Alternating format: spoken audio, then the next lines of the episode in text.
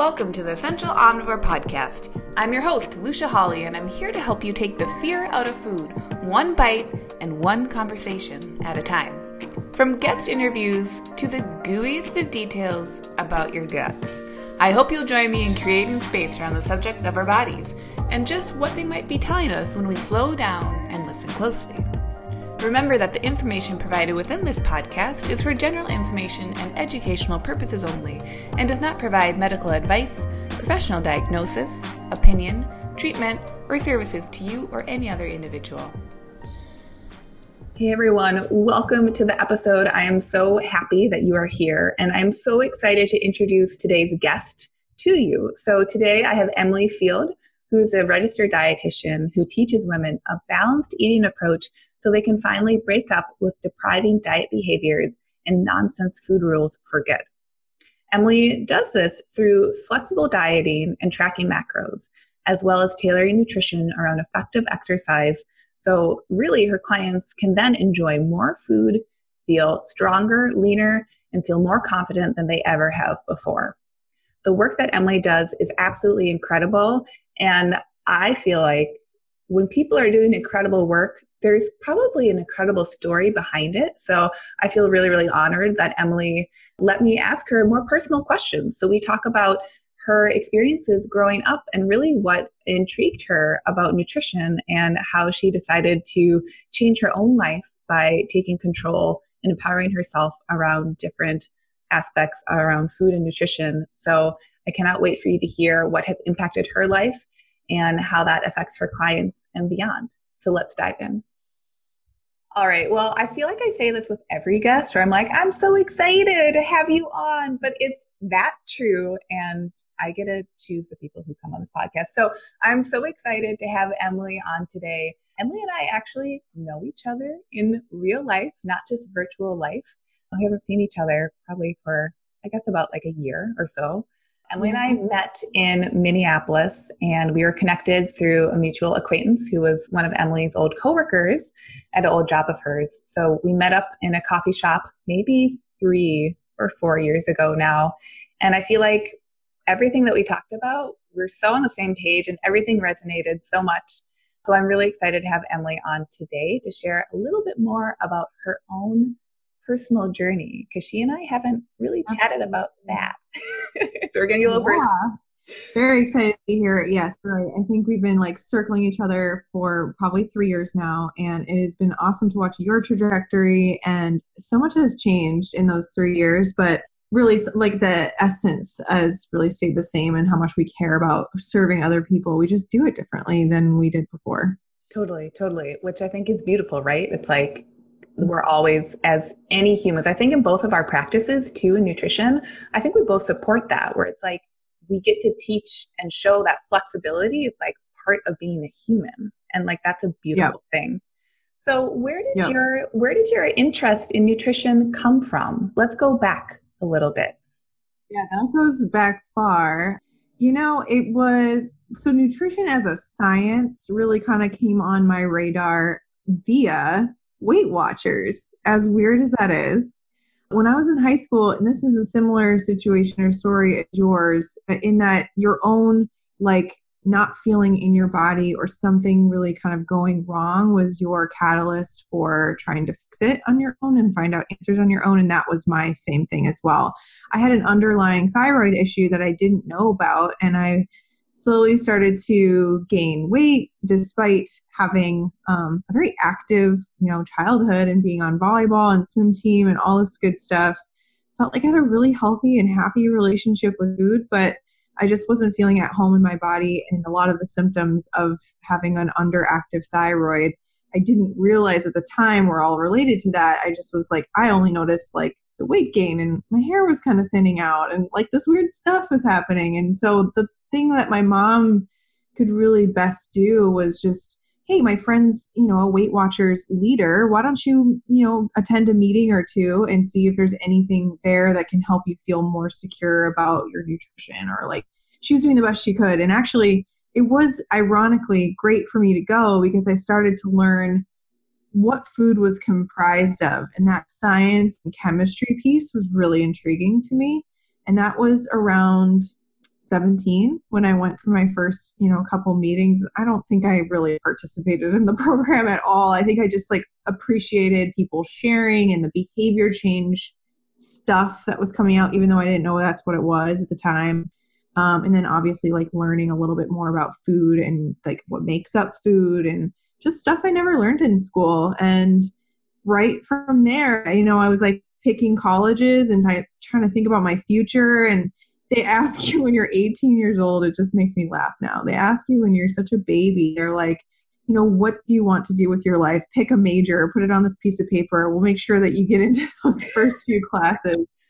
And that's really what it was. It was like i had this paper in front of me they were like three lines and there was like pick rate your rank them like your interests one through three. And i was like nutrition i kind of like that. Second one was like psychology so I put that down. And the third one i don't even remember what it was but just by putting nutrition on my college, you know, kind of like paperwork at 18 and landing in a nutrition class, everything came together for me. That first semester, 8 a.m., Monday morning, I remember I had nutrition and I like everything came together, like I said, and it was like, this is where I'm supposed to be. I didn't know what I was going to do with it. I didn't know about being a dietitian. I didn't know about, you know, all the avenues that you can take with nutrition. But truly, it was I, I always I kind of chalk it up to chance, really, like that I put it on paper because those classes filled up real fast. And if I hadn't put it down as my number one choice as a freshman, I probably wouldn't have gotten in that class until junior or senior year. Yeah. And what was it like being in those classes, learning? Because I know when you and I sat down, I think we both had this, you know, like it, how we talk about nutrition is still considered alternative, right? When we're mostly talking about whole foods or like the difference between more processed foods and less processed foods, that is still like in this arena mm-hmm. that seems like it's very far removed from mm-hmm. standard American style of eating. So, what was it like mm-hmm. being in those classes? Was there a big focus on more like the nitty gritty, on the chemistry and on the science behind mm-hmm. food? Was that part of what was intriguing?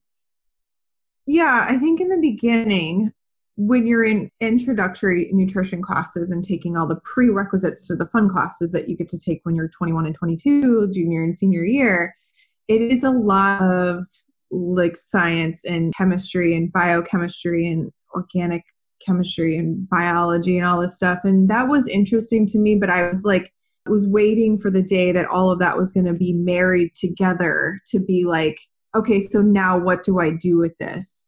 And I remember feeling like as a freshman, and I think I can, it's almost like the farther and farther I get in my career, the more and more I'm learning to think about nutrition less like a siloed science, wherein there's nutrition and then there's chemistry and there's biology and there's, you know, anatomy and physiology and they're all siloed because in school that's what it feels like. It feels like you're going to class, you're learning about the silo of inflammation over here and they're not really like integrated until later in college or in my case in your case probably way later in your career because you're working with people and you have to see how they're all like how these things are all married. So you know my idea of health at the time did not include stress sleep you know um, the way you talk to yourself. You know even exercise was kind of another silo that i was not really using. So i guess that's the major difference between early years in nutrition while interesting and I was learning a lot and I was like I'm just a passionate learner in general. Like if you're stimulating me through great classes and great books and I'm like I'm on board. But it wasn't until end of college end of the internship and probably I mean probably like going to be a lifelong learner in how all of health is much more married and less siloed than what we learned in the beginning. Does that make sense it makes total sense for sure. And I think as someone else who works with clients, it's like, it's almost like you have to get there if you want to see your clients succeed. And obviously, there are times where you refer out or things are out of your scope of practice, definitely. But if you can at least have those conversations with clients and other people, and when you're doing that, I think it definitely comes back to yourself, right? Where you're integrating, okay, wait, mm-hmm. what is my sleep like? Uh, what is up with my mm-hmm. thyroid? Okay, how is yeah. my stress? So, what did those things look like as you were moving through college and kind of diving more into nutrition while you were learning this stuff? Did it feel like you could integrate it into your own life? less so in college, more so out of college. You know, I think I still took the conventional wisdom that I'll be on thyroid medication for life. Like eventually, you know, I ultimately figured out I had a thyroid condition. So I got on medication. No talk to, you know, is there anything I could do with my diet or anything I could do with my stress or sleep or micronutrients or anything that that could potentially help my thyroid. So I went 10 years without ever thinking this is related to my lifestyle. I just thought you know, like many things like that are chronic conditions that you'll just be on medication for life and that's just how it's going to be. so yeah, I mean, I guess um, it wasn't until after college, after my internship and really kind of needing more of that, like I said, that uh, spark and passion for learning was lo- lost after college. I did in, in my internship. When I got started working, I really missed learning and I didn't know where to look for to be taught. And um, i just i lacked mentors and guidance and maybe that was just built into school in a way that i took for granted.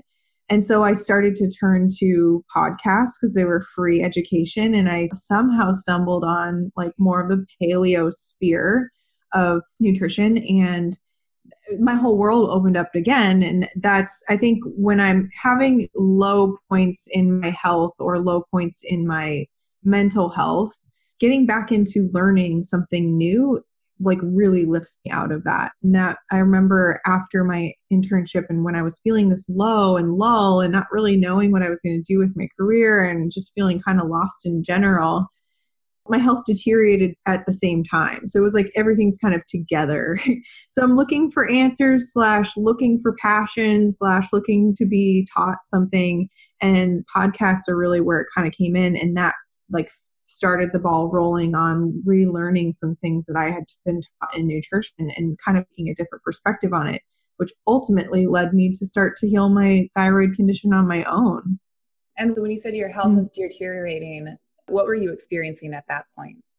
I'm feeling like I'm living with my roommate in St. Louis, Missouri, because that's where I did my dietetic internship in grad school. And I'm thinking, I'm I'm supposed to be feeling great right now. I am young and I am, you know, everyone around me is running around going out and I was feeling pretty tired and I was feeling kind of depressed and I was feeling fluffy even though I was like working out and I was like pretty fit and I struggled with binge eating a little bit. I struggled with this like uh, being perfect with my nutrition and then binging uh, when I was feeling kind of a lack of control uh, it was obviously a side effect of something else. Like I truly believe, you know, eating disorders uh, can sometimes, or disordered eating patterns can be a result of a mental health trigger.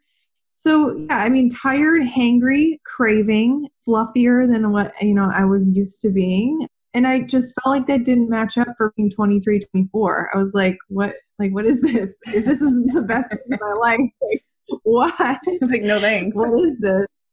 Yeah, no thanks. Um, I I don't know, and it could have been, you know, it could have been like I said, lack of being stimulated at work and feeling a little lost in my career and being away from home, in Minnesota, and you know, just it could have been a lot of different things, but when I started to re examine my diet and nutrition through the lens of paleo and real whole food, and then also thinking about my exercise difference. So rather than being a cardio bunny, which is what I was doing at the time because that's running and stuff is kind of all that I knew. Started switching that up for heavier lifting and more interval training as what was prescribed through some of the things I was reading.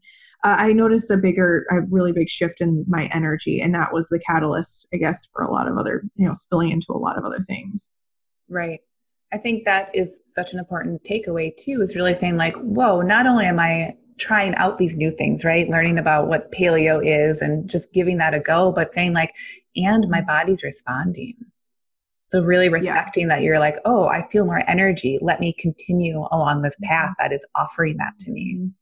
You and I, you know, I think to be practitioners and to be in a science field, you almost think about yourself as an experiment sometimes. So there'll be multiple times throughout our careers that I'm sure we'll try on a method or two just because we want to see if it works or what it changes or, or whatever. And that was definitely a time where I was feeling like I'm just going to experiment with this. I'll be my own guinea pig and I'll see what happens. And then you get farther and farther down the path and you know I, I you know i treat my clients similarly like let's just try on this approach for a while and see if it serves you if it does great if it doesn't we'll just take parts of it that do or you know we'll mix and match and there's nothing permanent about a diet and there's nothing permanent about uh, you know, tr- you know, trying on, like using that language of trying it on and experimenting can be a lot more approachable than saying, you know, as you know, uh, like this is how you'll eat forever. You must avoid these things forever. This is the perfect diet and this is how you should eat forever. That just has never worked and never worked for my clients. so it sounds so stressful. yeah. Like talk about being boxed in. You're like, ah, I have one option, huh? And I every other option is wrong or bad. So if I default to them, mm-hmm. I must be wrong or bad. Okay, so you discovered paleo or discovered kind of mm-hmm. ancestral style of eating.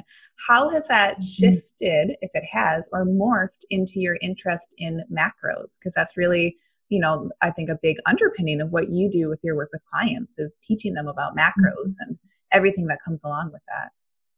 Yeah, so with my emphasis on whole, real, ancestral kind of um, slanted eating, um, I I think as a foundation for my approach, it can't start with macros. So we are very much talking about how do you build a plate that is balanced uh, for balanced blood sugar, and that is the underpinning of my whole approach. And we won't ever talk about macros until that's mastered.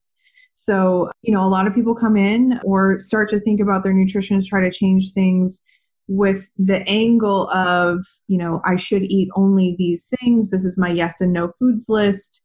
This is low carb. This is high fat. This, you know, it's just kind of lots of labels. So I decided, you know, once I started to relearn food without labels like that and really learn it just as what it is, which is just fats, just proteins, uh, that really sh- starts to shape, okay, well, then if I know what to eat and I know how to put it together on a plate, then how much is appropriate for me? And instead of using points and instead of using colors and instead of using like code words for all that, I thought, why not just be direct with people and teach them what is it actually measured in? It's measured in grams, it's measured in amounts of grams.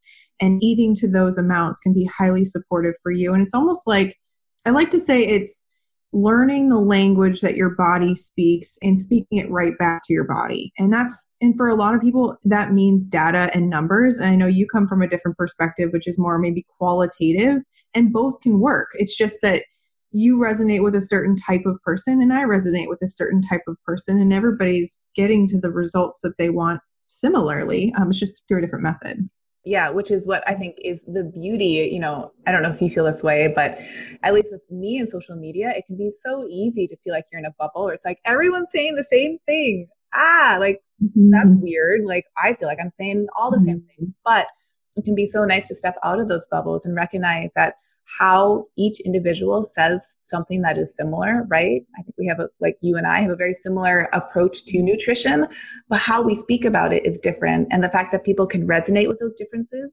is a really big deal mm-hmm. because that means it's going to be that much right. more effective for people.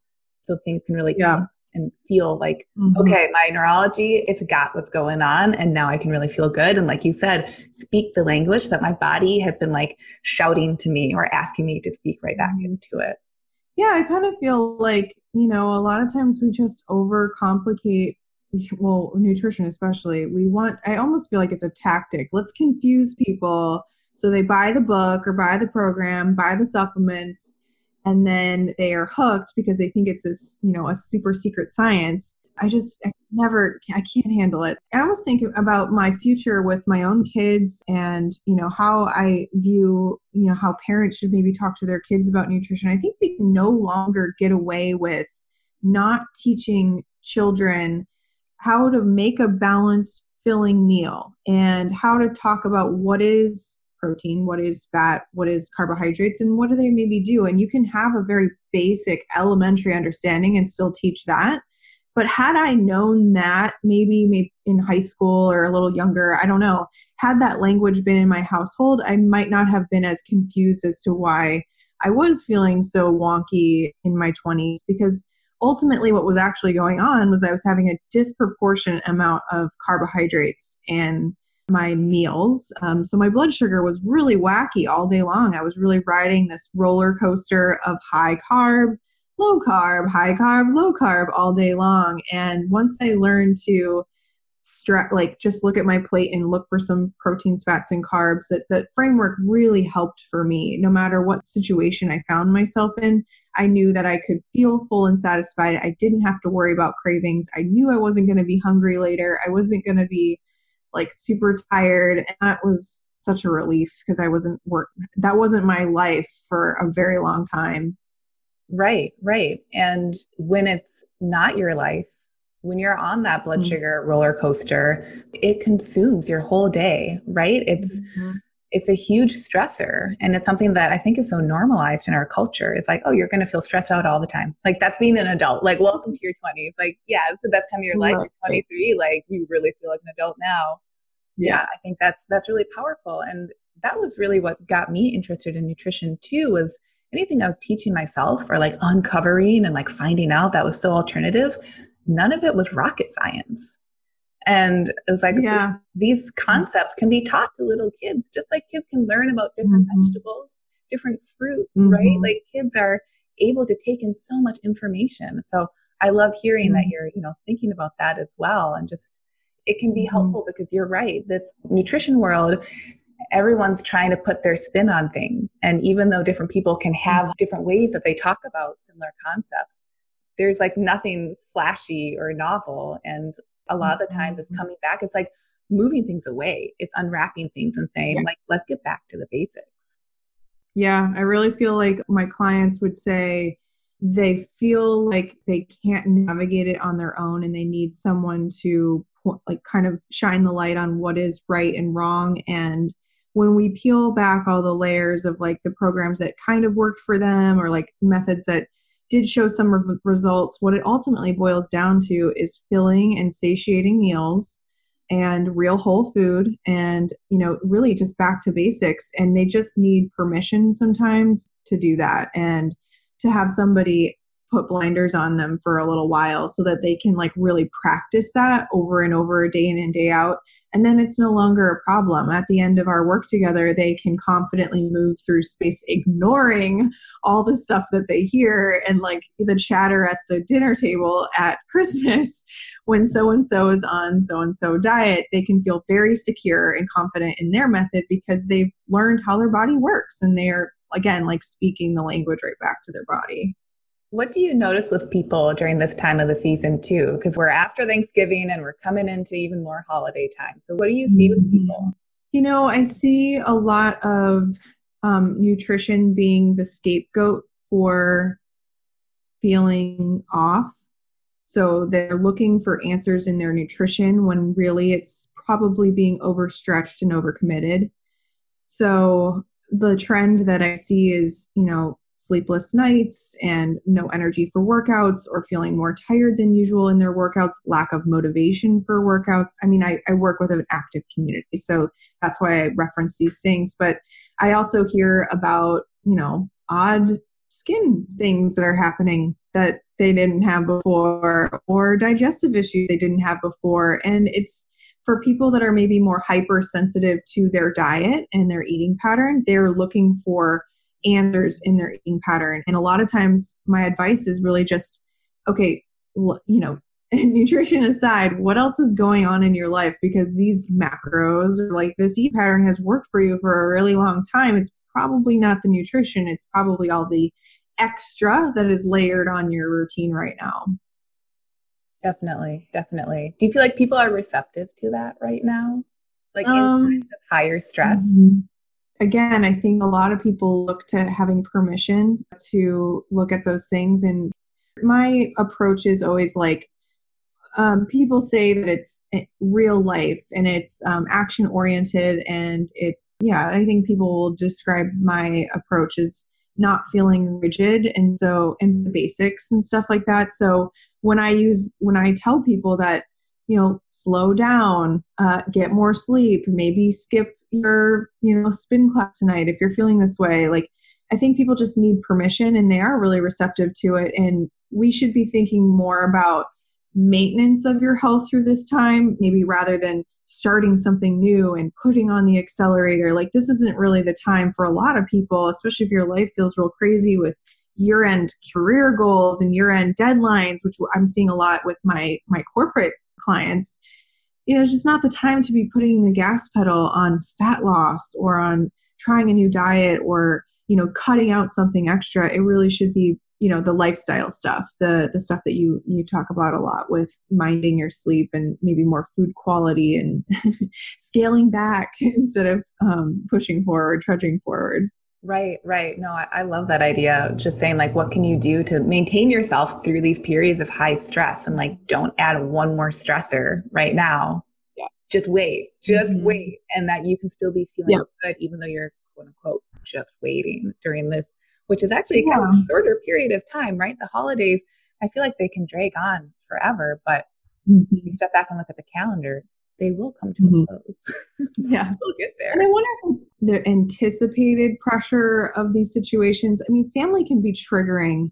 And I, I don't know if it's the anticipated meeting with family or or traveling or the anticipate like there's a lot of high anxiety around just that it's not that the holidays present all this unhealthy eating like i don't really think it's that anymore i think it's more um, anxiety around seeing people that you're not comfortable with or like having interactions with coworkers and bosses that only happen once a year and they happen at the end of the year. Like you know i just i don't even know. And so those are the questions that i'll ask my clients or those are the conversations that we're starting to have that feel it feels a lot easier um, and i never knew that i would be talking about that kind of stuff when i went to school but it plays such a big role in digestion and you know obviously tracking and like whether you should track or can track and all that good stuff yeah would there be something based on all your personal experiences as well as experiences with clients too? What would you tell 17 year old Emily or maybe 16 year old like before pre Weight Watchers meetings? That's a really interesting question. I think if I honestly, if I had found CrossFit uh, at an earlier age, I think I would have been a different, maybe more confident, secure woman earlier on. It would have um, helped reshape my like putting value on a certain body type or a certain physique because that was definitely a role that or something that played into my younger years um, i don't know about food i really don't know i think tuning into yourself would have been a really big conversation conversation i plan to have with my future children is you know not necessarily saying can and can't have but understanding the immediate and moderate and long term consequences of meals. Because sure, you can indulge in whatever you want, and I will like welcome that to happen. But I want my kids, and I would love for myself to have understood you're signing up to feel XYZ if you do that. And are you okay with that? If you are, great. If you're not, not so great. Why are you doing it? like, why would you, you know, that sort of thing. Does that make sense? It makes total sense. It's like opting for informed consent, being like, eat whatever, right. eat whatever you want and like enjoy your taste buds and respect what they're making you mm-hmm. move towards, but understand like the underpinnings of why that is and then also mm-hmm. I don't want to say the consequences, but just the results of eating different foods because foods fuel us differently. They fuel our minds, our guts. They have different interactions with each other, and it can all be learnable. Mm-hmm. And then once we learn, then we know. Yeah, I mean, a difference between intuitive eating and autopilot and like mindful eating and mindless eating. I think that's really what it comes back down to is like my my early life was a lot of mindless eating because I wasn't taught to tune into how I felt about it or you know how I felt after meals or a couple days later or something like that or how that I mean I remember so funny I was telling a friend this the other day every day for a year in high school I was eating fire Cheetos and a breakfast burrito. And I was like playing volleyball a couple hours later. I was like, what was it? Yeah, a thyroid issue, perhaps related to right, right, nutrient poor, nutrient poor food, but it is fascinating. Like kids' bodies are resilient, and how well, I'm doing that now. Like lay me out for the afternoon. oh yeah, oh yeah. I think about all the juice I used to drink I was like a little hummingbird. Like, and even my family, my family, I really respect like the food choices that they made when we were growing up. And there was a big mm-hmm. emphasis on just like a lot of real food, but we're also still growing up in the 90s. So I remember we would mm-hmm. make, we'd make apple juice and we would water it down, but it was still apple juice. you could still drink like half a pitcher real easily. yes. Oh my God. Good memories. Good memories. So I have these three questions that I tend to ask guests, and there's no right or wrong answer, but I'm really curious. So, given our conversations and everything that you do, what is your idea of health? It has changed. My idea of health has definitely changed over time, and I would say I, I think health is much more encompassing than I ever thought it was. Um, even there's an added layer of that I understand now. Even at this last year, um, I I recently moved. We're on complete opposites uh, uh, of the sides of the country now. I'm in, in the East Coast in New Jersey, and I think I undervalued connection and community and social interaction as a part of health. I, I understood it epidemiologically and like from a science perspective that you needed it so I had heard, but I hadn't like really experienced that. Um, so I guess my idea of health encompasses connection, community, social, you know, the biology and, you know, nutrition and, and things like that, those spheres. Yeah. So I think it's, I guess it's just a wishy washy answer to say that there's like feeling in your body, feeling at home in your body, feeling secure and safe in your body uh, that's what I, I guess I would say like it feels to be healthy um, but that your needs you know your needs for stimulation and passion and connection and uh, those needs are met as well. And so it's not just a matter of eating perfectly and checking the boxes on stress management and getting enough sleep and exercising. It really there's this like intangible qualitative like I don't know, only you can answer that about how connected do you feel to yourself and others? And do you feel secure and socially supported? I don't know. These are all things I think about now because I felt like I didn't have it. And when it was gone, I was like, oh, oh, there's something missing. so, yeah.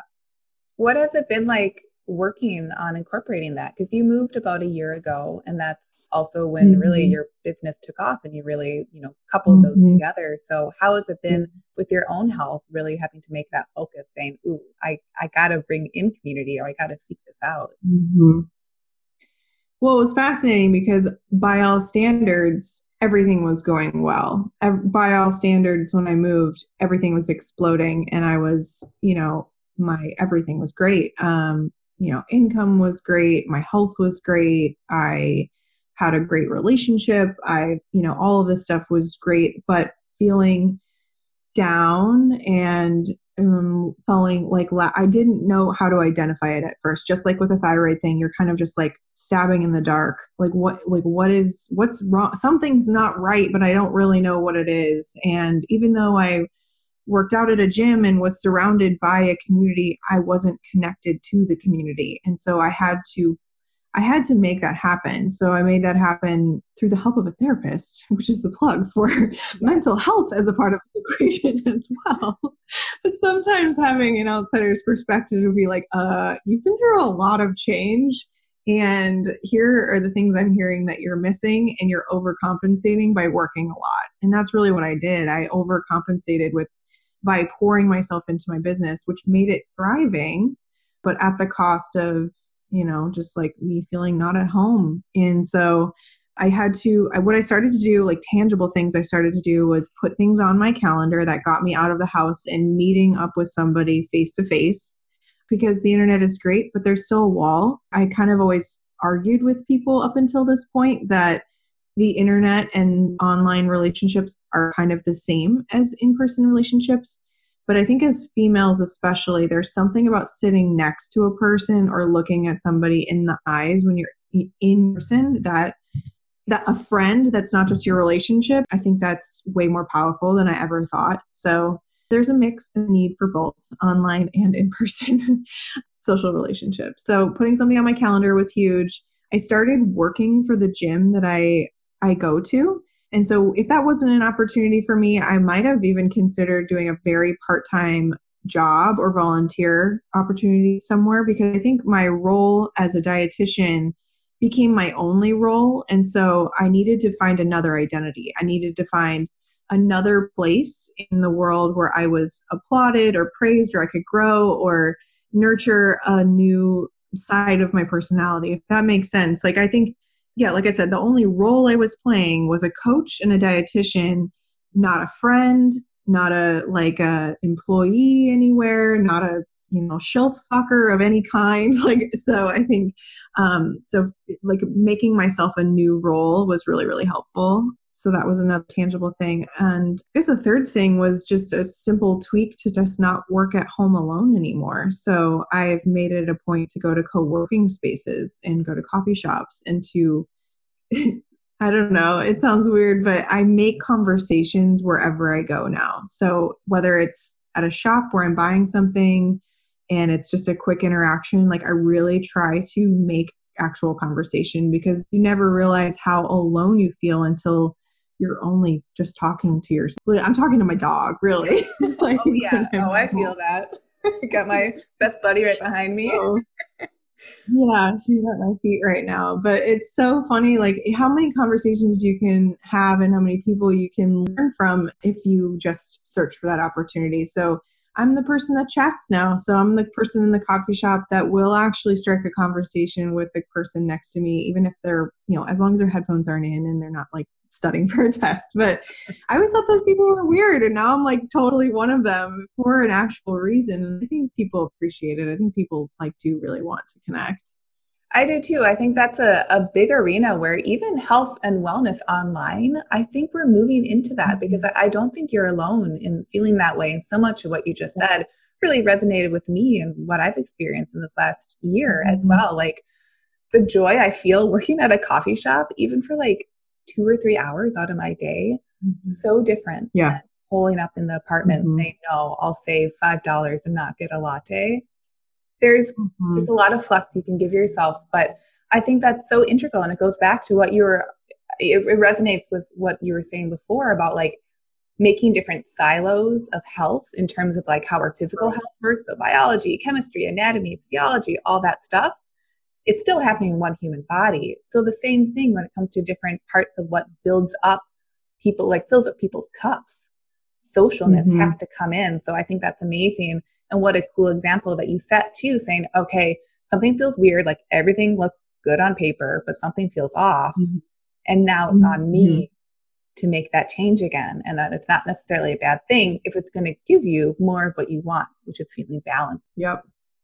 Yeah, I mean that five dollar coffee or five dollar latte is not just a five dollar latte. It is like it you know for yourself now. It's just like it means so much more to be getting up walking to the coffee shop. That's an important thing too. Like I would get up and I don't know if this is like you, but I'd come downstairs and start working. Like there was nothing else like between my like I needed to create rituals in my morning and evening. That was really helpful too. So getting up and going for a walk, not listening to work related podcasts was a new rule that I put in place. Yeah, lots of really little things. yeah, I started to wonder when I was listening to podcasts. I started to do the walking too, but I was still listening to nutrition podcasts, and I was like, "Why is my mm-hmm. heartbeat so fast?" oh, I'm still working. Whoops. I, I started listening to true crime crime podcasts almost exclusively when I moved, and I was like, "This isn't right either. Like, I can't be." also, a little high stress here. yeah. um, so, what is your idea of happiness? my idea of happiness is well, I first want to say that I have more of a, I guess I would say, a European understanding of happiness, which so heard, which is that we should not be in pursuit of 100% happiness 100% of the time. I, I understand happiness to be one of the emotions, and it's okay if it's not there. Like, I don't think that I understood that in college in my early years, but I started, once I started to have that relationship with happiness was I started to feel a lot more relieved because I think we can oftentimes get caught up in thinking, and this is maybe reinforced with media and, and movies, especially that if it doesn't feel good to you and it doesn't make you happy, then it's bad. But that's not necessarily true. And I understand how to come and go, just like sadness comes and goes, or frustration, or, um, you know, just feeling kind of low or apathetic, you know, feeling nothing or neutral is something that can kind of come and go. So, first want to say that and because i have that relationship with happiness it makes it so much to it makes it easier to seek things that i know make me happy and because i i know what they are now. And uh, they can they are temporary feelings and they flux every day or they flux every month and that feels pretty good. But uh, happiness would probably like include again connectedness and community and social relationships. I value that a lot um, when it comes to my happiness. But again it comes back to i think they're very married with health as well. Like feeling at home in your body and secure in your body is is happy to me too so i mean being fulfilled in my mind like being stimulated in my work and i think that that plays into happiness as well probably does for you too because you're spending so much time working you can't be doing something that doesn't bring you some joy. Exactly. And yeah, you know, happiness is it's multifaceted and it ebbs and flows and it's not mm-hmm. just unicorns and rainbows or whatever. Whatever mm-hmm. you think is like bright and shiny, mm-hmm. there's whatever makes something bright and shiny, there's a whole other side to it. It doesn't necessarily mean that because it's not happy right now, it's not good. I think that was really I think in nutrition too, health that can be related because you're you're saying, well, this method doesn't bring me joy or it's too much work. I should avoid it.